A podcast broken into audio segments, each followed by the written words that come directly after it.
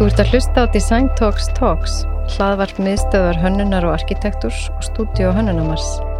Nafnið er tilkomið vegna tengingar við Design Talks ráðstefnuna sem hefur verið hluti af hönnunamars hátíðinni frá upphafi. Við ætlum að nýta þennan samtalsvettvang til að staldra við og fjalla um hönnun og arkitektur í allskynns samhengi með frábærum gestum. Nýsköpun, tækni, samfélagslegar áskoranir, loftlagsmál og hvað eina. Að því að þannig er hönnun, snertir við öllu og getur verið mikilvæga drivkraftur nýsköpunar og samfélagslegra framfara.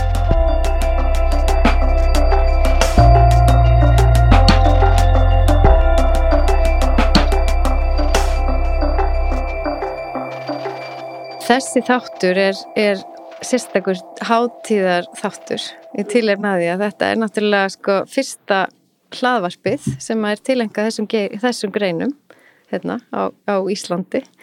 Og því eru því komnar hingað fórsættisra þeirra Katrín Jakobsdóttir og Halla Helgadóttir frangöndistjóri miðstöður hann og arkitektúrs og, og hérna ég bara bygg og hjartalega velkonar í þetta spjall. Takk fyrir. Takk kærlega fyrir.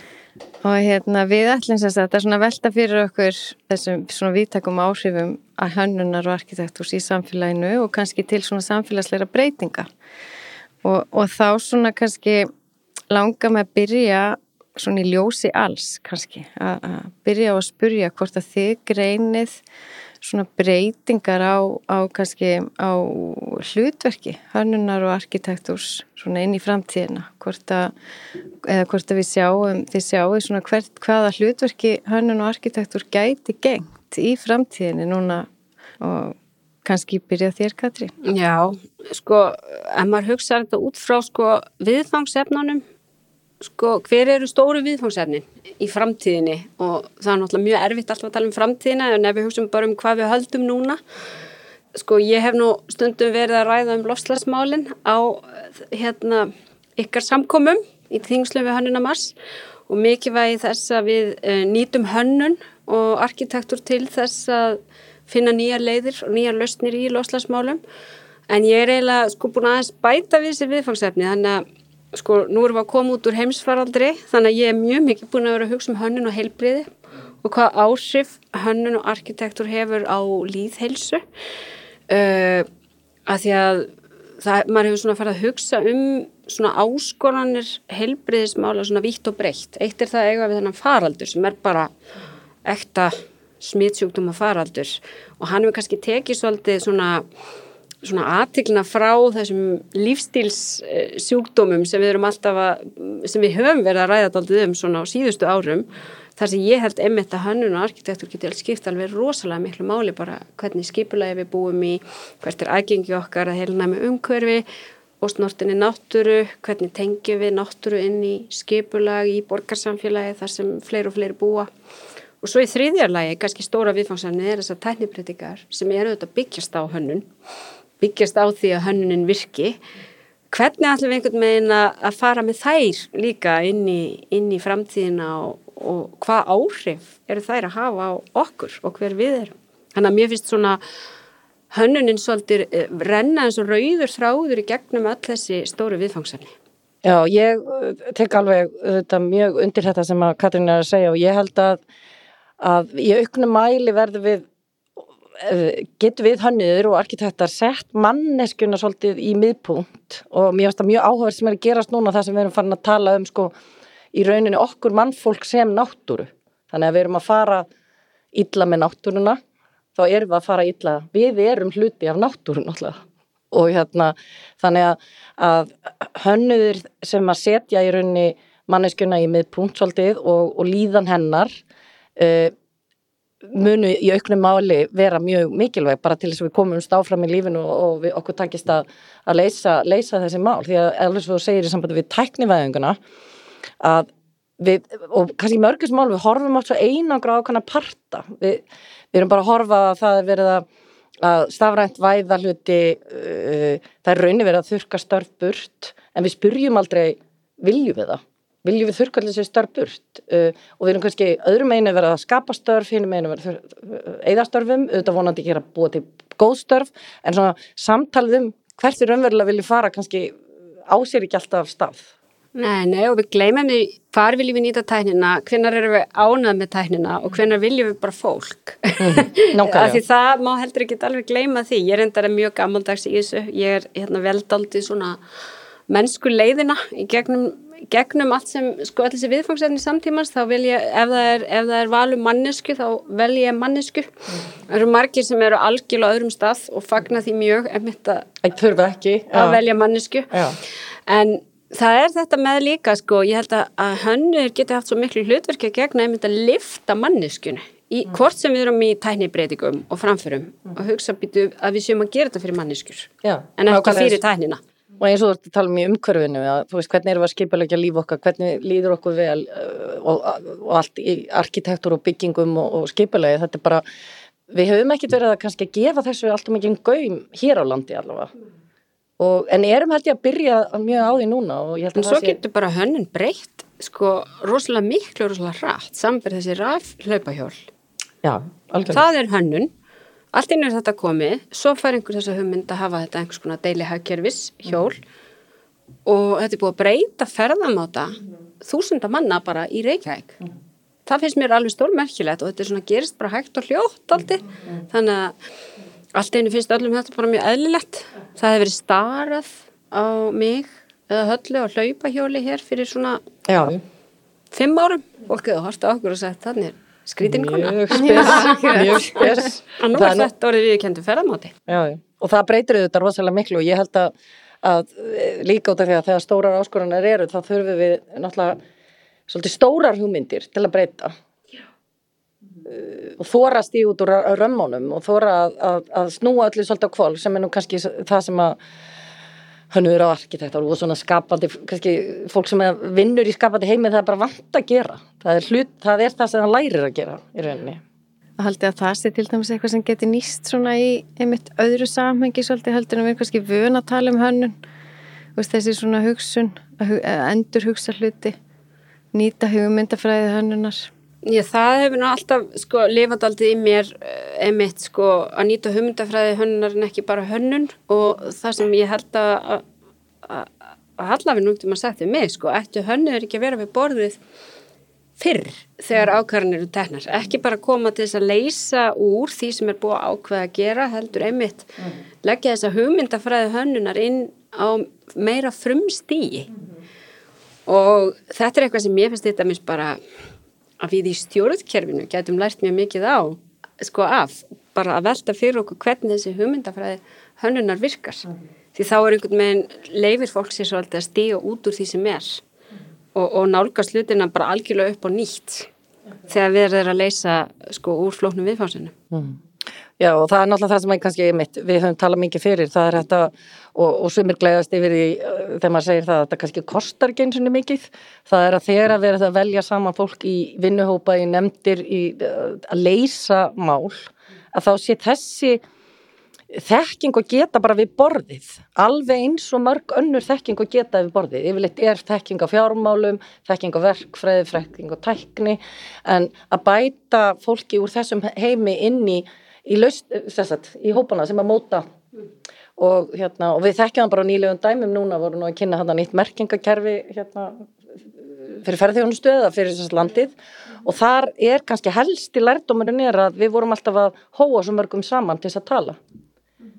Og, og fara þvert á hefðbundna ferla og talandi um stjórnkerfi þá sjáum við þar alveg að þar mætti örgulega gera mikið. Og, og þá erum við ekkit að það er ekkit verið að kasta rýrið á neitt sem einhver annar er að gera. Það bara vantar oft þetta element Það vantar þetta skapandi hugsun oft til að leysa viðfangsefni sem eru kannski ekkit sérstaklega uh, spennandi sko endilega út frá einhverju svona listrannu sjónamiði en kalla bara á þessa hugsun hönnunar skiljiði og það er eiginlega svona lærdómur sem maður hefur aldrei tekið með sér og séð að hefur oft gefist mjög vel. Já. Það breytir svolítið nálguninni bara á viðfangsefni. Já, akkurat. Hefur þið tekið þátt kannski svo leis, samstari eða samtali? Já, þegar ég hérna var í ment- og menningamálurandinu þá auðvitað var maður mjög mikið að vinna með svona þetta breyða samráð og annars líkt og ég hef auðvitað mikið áhuga líka á hvernig maður getur virkjað almenning í auki samráð. Mér finnst það svona aðeins, það er aðeins önnur hugsun en það breytir því ekki að hérna, sko samráðsverðli er tímafrækt og þess vegna sér maður að það er oft ekki ráðist í umfóðsmikið samráð að því að það er tímafrekt en það skilar ofta alveg frábærum hlutum. Það er nú málið. Ég er sérstaklega hugsi yfir þessu sem tengist heilbyrðismálunum af því ég held að, að við eigum eftir átugur á því að allt umhverju okkar hefur svo gríðarlega mikil áhrif á heilsu. Bara til að mynda hvernig erum við að hanna borgarumhverju þannig að maður geti valið heilnama samgöngum á það erum við að tryggja fólki sko aðstæður þannig að það getur synd útivist. Og þá er ég ekki bara að tala um að maður getur farið út og, og hlaupið á einhverjum stík heldur að það sé til að mynda aðgengi á svona líðhelsu tækjum eða svona einhverjum græjum þar sem maður getur hangið og gert hluti og, og þú veist þetta, ég kalla þetta svona líðhelsu garda sem eiga að vera sem víðast í borgarumkörinu þannig að fólk geti verið úti að stunda útivist og reyfingu sem er alveg ótrúlega mikið vægt og ég held að þetta eigum við eftir að sjá miklu meira að tryggja manni þetta nær umhverju við erum að sjá þess að hugmyndum 20 mínuna mm. bæjarsamfélagi þar sem getur nálgast allt innan 20 mínuna og það, það rýma saman bæði í líðhelsa og loslasmál mm. og þarna þarf við þetta að hugsa hlutinu upp á nýtt mm. og hanna hlutinu öðruvísi og það er ekki sjálfgefið að Vestlanir verði eins og flestar vestlanir er í dag, svo dæmis er tekið. Það, það, við sjáum það bara í COVID-inu sko, hvernig fólk hefur breytt sinni hæðan í þeim efnum. Þannig að þarna þurfa sko hinn er skapandi hugsiðir alltaf að koma inn í til þess að nýta allar þessar nýju löstnir til að búið til svona mannvænleira samfélag. En þá þarf, til þess að það geti gerst, þá þurfum við að hleypa því fólki að ákvarðana tökunar og það, við þekkjum það svolítið að ég held að það sé að breytast eða ég til svo vera en það kannski það þarf að ebla það og þá er það kannski að þess líka bara eins og í stjórnmálum inn í stjórnkerfi að það séu bara fleiri með þessa þekkingu. En maður horfi bara eins og þetta er Danmerkur Meina, það er þó nokkuð mörg ár sem að ég var að lesa bara eitthvað bæklingum um það í, kaupmanöfn náða ekki að taka allir borgarar að komast grænt, á grænt svæði innan við tímíndur frá heimili sínu. Þeir sett sér bara svona markmið. Og meðar horfir á þessi markmið til dæmis og horfið síðan á borginna út frá því þá sér maður bara hvernig þeir eru að gera það. Þeir eru bara smám saman að taka sér skref og, og, og það, þar er manneskjani mitt uh, í mið, miðpunti svolítið hérna, eins og kallaði þeir svona human centered. Og þegar þú ert að hugsa um tæknina þegar við erum að þróa heilbríðskerfið eins og þú segir það er alltaf gríðarlega mikilvægt að nálgast það þannig að, að uh, þú veist, húsin hjálpa okkur til þess að vera áfram heima. Uh, þú veist, að við stuðlum að því að við getum lifað sem lengst einhvern veginn í okkar umhverfi og auðvitað er þetta bara greiðarlega kostnaðamál líka. Því það er kannski þurfum við líka svolítið að snúa við hugsunni. Fólk tengir oft hönnun við eitthvað dýrt. Ringi hönnu, það er mjög dýrt. En raunveruleikin er ekki sá. Nei, ég held að margir hugst um þetta sem eitthvað sko fínarís, þegar það. ringi einhvern hönnuð, maður þarf nú ekki að gera það. En einmitt þannig getur maður kannski spara sér ótrúlega fjármunni með því að einmitt að ringi hönnuð. Og mér finnst þetta svo góða punktur sem hallanetnir með að geta búið lengur heima. Vist, við erum að horfa á að ríkið er búið að vera sko í sérstöku átagsverkefni að byggja upp hjógrunarými og hefur verið að fjölga þeim alveg uh, sko um hundruð rýma en það breytir því ekki að það er alveg gríðalegt verk óunnið og, og hluta löstinni verður að vera að fólk geti búið lengur heima. Þá kemur að sko hönnuðunum og henni skapandi hugsun til þess að tryggja það að fólk geti það. Þannig að mér finnst þetta einn ótrúlega góður punktur bara inn í öldrunar pólitík á Íslandi. Hvað getur hugmyndafræði hönnunar gert þar? Mm og hérna og svo ég heyri svona tengi svona við núna þegar þið báðir er að tala um mitt sko að, að fá hönnuð að borðinu og, og, og hugsa meira svona skapandi og endur hugsa og allt þetta. En við erum nefnilega líka svolítið kannski döglega skilgreina mikið og draga í dilka og segja hér er nýskupun og hér er þú veist vísindaframfarir og hér er tækni og hér er hönnun og erum með þetta í svona einhverjum bóksum sko Haldið að þetta sé eitthvað sem eigi eftir að breytast kannski raunverulega núna. Við höfum náttúrulega talað um það, veist, að það þurfi meira þverfalegt samtal og, og annað. En haldið að við séum að taka einhver skref þannig að við getum raunverulega kannski hannur komið að borðinu, komið inn í samtöl með fólki allstæðar að og nýsköpun, einmitt vísindi, þessi svona samrunni kannski geti orðið? Ég held þetta sé að breytast, það tekur alveg tíma því, því sko eitt af því sem við hefum sett til dæmis er að svona vísindasamfélagið og hinnar skapandi greinar, maður hefur alveg fundið og þar er svona stundum tókstreita á milli þó að þessa greinar er ótrúlega margt sameinlegt þá hefur maður alveg fundið það, það er stundum svona streyt á milli. Því mælikarðanir sem eru til dæmis nýttir til að mæla árangur er ekki nákvæmlega sambarilegir milli vísindana annars vegar og skapandi greina hins vegar. En það breytir því ekki að þegar maður setur þetta fólkin í sama herbergi þá gerist eitthvað mjög spennandi. Og, og, og hérna framsækið og eitthvað sem svona getur drifið samfélagið áfram. Þannig að þess vegna held ég að það skiptir mjög miklu mál að ebla þetta samtal vísinda, nýsköpunar, skapandi greina. Svo dæmis er tekið. Ég hef doldið hort á þetta sem svona þrýhetning þessi, þessi svona þrý, þrý stólpar eigi að tala meira saman. Þó að hver og einn njóti sinna sérstöðu þá hérna, þú veist, þau veist með þessa þrjá stólpar saman, þá færðu rosalega samfélagslegan kraft til þess að svona drífa áfram breytingar og, og hugsaði kannski aðeins öðruvísi um þessa breytingar. Ég held að það sé alveg rétt, er mjög mikilvægt að brúa þarna á milli og ég mann nú bara fyrir aldrei, já, margt lungu síðan, þegar vorum að tala um skýslunum að hafa áhrif skapandi greina og það, að þá var, þá var til og með hum, og, og ég tengslu við hannunastefna, þá var hugmynd að, hérna var verið að tala um að breyta, að þú veist að þetta var að vera list, vísindatækni og listráð. Já þetta er bara að breyta heitinni til dæmis á einhverju soliðis og hvort sem á að gera það eða ekki en það er bara strax sem maður segir það þá bara ertu allt í henni komið eitthvað þrývitt inn í það sem er, er, er hérna, maður er ekki venjulega með. En ég held að það sé réttjáður að það er þetta með að við erum alltaf að mæla sko, hvað, hver er árangursmælikvarðin og mjög mikið af því sem kemur úr kannski eðlið er samt ekkit ólíkt. Það, þetta byrjar alltaf í einhvers konar sköpun og hugmynd. All, all vísindi byrja þannig. Þau byrja ekki á uh, þau byrja ekki á gróða hugmynd þau byrja bara á einhver abstrakt hugmynd og það, það langur vegur oft yfir í einhvers konar viðskipti. Það er engin munur á því í kannski skapandi greinum og í bara teknigreinum eða vísindagreinum. En við erum bara nefn vanari að hugsa þetta svona uh, með sumar greinar en aðrar. En ég hef til að það sé mjög mikilvægt að við að við horfum á nýsköpunar orðið ekki bara alltaf út frá sko mjög, neða ok, nú er ég kannski dómhörðu en þess að komdu bara já, nei, ég er bara út frá okkur skalanlegum tæknifyrirtæki meila það er bara svolítið það já, að, já. Það, það, það er verið að mæla þetta út frá engalefum já, og bara hversu fljótt verður þetta að skala þetta? Hversu fljótt verður þetta alþjóðlegum viðskiptum auðvitað skiptir það líka máli og, og, alls konar hönnuna fyrirtæki geta alveg orðið þannig líka. Og ég meina það er svo banalt að segja það sko en það verður kannski, já þessi mannlegu máli eða mýgri mál mæta kannski þessi hörðari mál, ég veit ekki.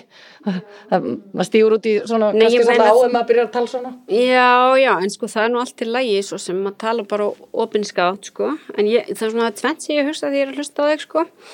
Það er í fyrsta lagi, sko, mælikarnir skipta mjög miklu og ég finna bara í núverandi stöðu þar sem við hefum verið að innlega nýja mælikvarða bara á ríkisfjármálinn. Það er ekki bara horfa á verka landsframlegslu, heldur horfa á sko, hvernig mælu við árangur af því sem við erum að gera. Mm.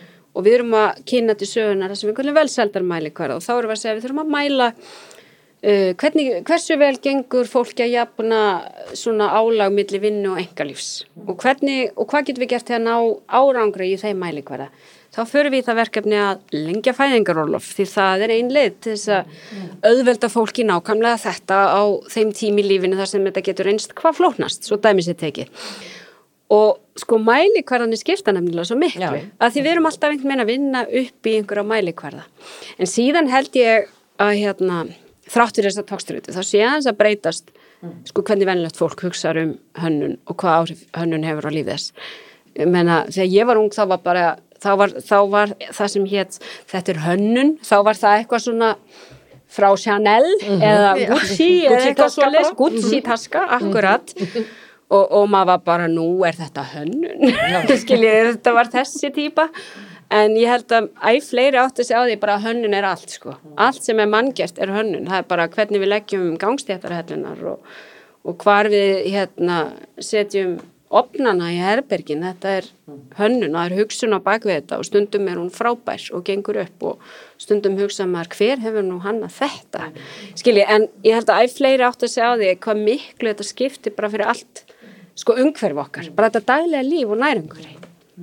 Algjörlega Þannig að hönnun er ekki lengur bara einhver taska. Nei, nei, nei, nei. og þetta er þetta bara er þetta aðferð og það er náttúrulega þegar maður horfar þvert á að ég menna, við erum kannski vanað að tala um hönnun og, og hönnun er kannski bara svolítið erfitt orð því að það er náttúrulega margt sem er það. En hérna, en auðvitað eru hú, húsabyggingar og hverfi og þetta er allt hannað. Þetta er allt hannað. mann, manngert er hannað. Og stundum er þetta vel hannað og stundum er þetta illa hannað og stundum var kannski engin sérstakur hönnur. Þetta var bara búið til.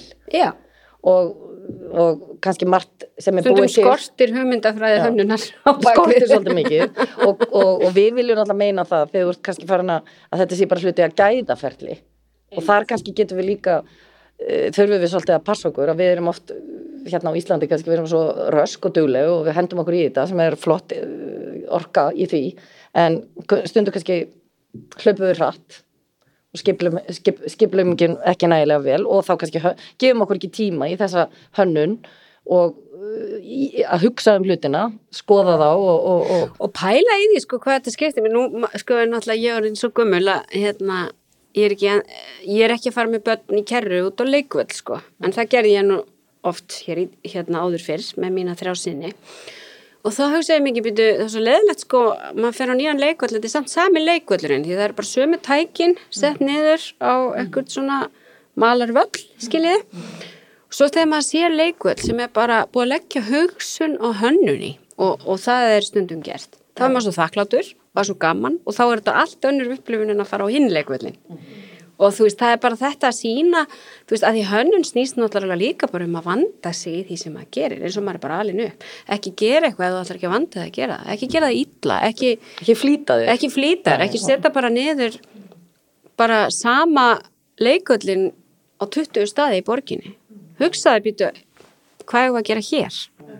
Eða að tengja kannski hérna við það sjórinu hérna við liðna og, og hafa eitthvað slíkt svona undirliggjandi þema veist og það gleður mann svo mikið þegar maður einhvern veginn upplifir þetta í nærumkörinu og mér finnst það eiga að vera alltaf hugsunin líka hjá okkur sem erum í stjórnmálum. Bara hvernig getum við gert þetta nærum hverju fólks betra þannig að það einhvern veginn finni þessa gleði í hjartanu? Og heldur kannski að hönnun og arkitektur geti ég vil nýst í að svona eh, hjálpa til og styðja við að skapa svona heildræna sín fyrir hverfi, borgir, landið. ekki nokkuð spurning. Við erum alltaf einhvern veginn að færa okkur meiri það að setja niður landskipulagsstefnu og skipulag fyrir einstök svæði og þar, er, og þar eru miklu fleiri þættir komnir inn en voru. Bara til dæmis hvað var að loslag hvernig ætlum við að ná lofslagsmarkmum okkar með skipulag Ég er mitt búin að vera hérna í nokkrum samtölum og hérna og auðvitað undarfærin misseri og svona í öllu þessu samhengi og svo erum við núna að tala um hérna í þessu hlaðvarpi alls konar snertifleti, hönnunar. En hérna það kemur svolítið mikið upp í, í svona samtali mínu við fólk í geiranum að það er svo áherslan er að færast alltaf meir og meira yfir í svona samtal og samvinnu og samsköpun. Og mér finnst það svo áhugavert sko að kannski hönnuðir á Íslandi eru kannski líka þá að verða meira og meira tilbúnir í þetta samtal sem að kannski þú ert mögulega kannski öllítið að kalla eftir. Þannig að kannski er þetta bara að verða kannski eru við núna einhvern veginn að fljó, flæða saman að einhverjum Já, að því ég held að hönnur getur skipt líka svo miklu að því nú er ég búin að tala hennar lofsla á heilbriði en bara sem jafnaðar manneskja og vinstri manneskja þá er náttúrulega hönnur rosalega leikendur í því að tryggja aðgengi fólks að ákveðnum lífsgæðum. Það að- að tryggja hönnun sko falleg hérna, hérna fallet umhverfi sem er aðgengilegt fyrir okkur öll. Tryggja aðgengi að því að fólk geti til dæmis brónt fólk sem hérna flytur að heimann geti flutti í fallegt húsnæði á viðráðanlegu verði. Þannig geta hönnuður skipt sköpum líka. Þannig að þú veist þetta er, þetta er svo margt sem kemur inn í, inn Já, í þetta við búum til sko, við getum búið til svo mikið miserétti til dæmis Já, akkurat. Í húsbyggingum líka út af þegar við tölum bara um það að þá er það náttúrulega eitthvað sem einstaklingar ráða náttúrulega frekar lítið við. Það er stærra, það, við flytjum bara inn í hús, húsnæði sem einhver annar skapar fyrir okkur, í flestum tilfellum. Og það skiptir rosalegu máli það er að vera að skipleggja hverfi og, og byggingar. Og akkurat núna þegar verið að reyna að gera minni og kannski hagkvæmari að horfa til þess að það sé ekki verið að, gera það kostna gæða og endingar sko. og því að þá ert kannski oft farið að hrattast að og, og húsnæði kannski orðið úr allt fljótt eða, eða stendst ekki gæði og getur orðið eða vil fólk velur ekki að búa þar endilega ef það, ef, ef það er gert að kostna gæðana Já, og það eru svona hérna þannig held að það, og það er kannski þetta mitt gæði versus ending líka. Já, sem sagt, það getur verið það er Að náttúrulega bara- umhverfismál sko. og það er rosalega stort umhverfismál nákvæmlega Já. og hérna að við kannski getum verið lengi, lengi nýtt lengi í hlutina þegar við erum búin til Það er nú hluti af þessu, sko, þessari loslaspolítika allri, þú veist, erum við að, að hérna, hanna hluti þannig að þeir endist eða þannig að þeir, þeir séu nánast ónýtanlegir. Já, og mér finnst það líka svolítið áhugavert talandi um svona, segjum lofslagsmálin og, og í þessar umræðar sem ég var að tala um á það sem að mér stundum ekki mætast samtalið, veist, við erum að tala um til dæmis vegagerð á Íslandi, hvernig er það í samhengi við lofslagsmálin, uh, ferðamennskan, hvernig er það í samhengi uh, og nú er ég komið kannski svolítið frá hönnun. Pólitíkar en, sem sagt, það er að mæti samtalið, við þurfum að tengja, tengja. Við eigum svolítið langt í land með að tengja allt saman, sko. Alveg, ég segi já. það algjörlega, mér finnst okkur aðeins að meða fram á, ég er náttúrulega búin að vera 13 ára þingi og mér finnst okkur aðeins vera að meða fram á við að taka fleiri þættin, en við erum ennþá samt svolítið föst í sílóunum, sko. Herri, ég er hérna að vinna mitt plan og, og þú ert að vinna þitt plan. Það þarf alltaf svona aðeins smá átak til þess að tryggja það að það séu all, ég meina, bara kynjasjónamið. Hvað erum við búin að vera standa lengi því að fl- flétta kynjasjónamið inn í allt? Og þá kem ég nú að hönnun og tegndu málefni sem ég hef nú ætla að nota þetta tækifæri hér í hlaðvarpu um hönnun til að ræða og það er svo furða uh, mín af hverju enn er ekki búið að hanna hljóðnema fyrir sjónvarp sem henda hvern fatnaði. Við erum alltaf með einhver svona hljóðnema sem eru hannaðir til að setja í jakkafatavasa og svo setja á jakkabúðung. Svo mæti maður ekki jakkafutum, heldur til dæmis bara kjól og þá er alltaf einhver meira áttar aðgerð þar sem er að að fræða eitthvað inn á manni, nærbuksunar og allir bara já þetta er nú alveg mólíkindum, þetta er nú ekki verið að hanna fyrir konu, nei segi ég. Það þarf einhver að hanna hljóðnema fyrir konu Já. og nú er ég bara búin að segja Kalla þetta hér út í kosmosið og ég veit að það er einhver að hlusta á sem ætlar að breyta þessu. Þannig við segjum kannski bara nýjan hljónama, meira samtal og Tengi þetta við samfélagið allt. eigum við ekki bara að segja það góðu lokaorð. Já, ég held að Og það ég held að hérna, hljóðnuminn sé minnst mikilvægur. en Já, en En- er kannski lítið hluti af stærri mynd að stærri mynd. Já, já, sem er það að við séum einhvern veginn með manneskjunni fyrir rúmi líka. Í öllu sem við gerum. Takk kærlega fyrir komuna og samtalið. Takk hérlega fyrir.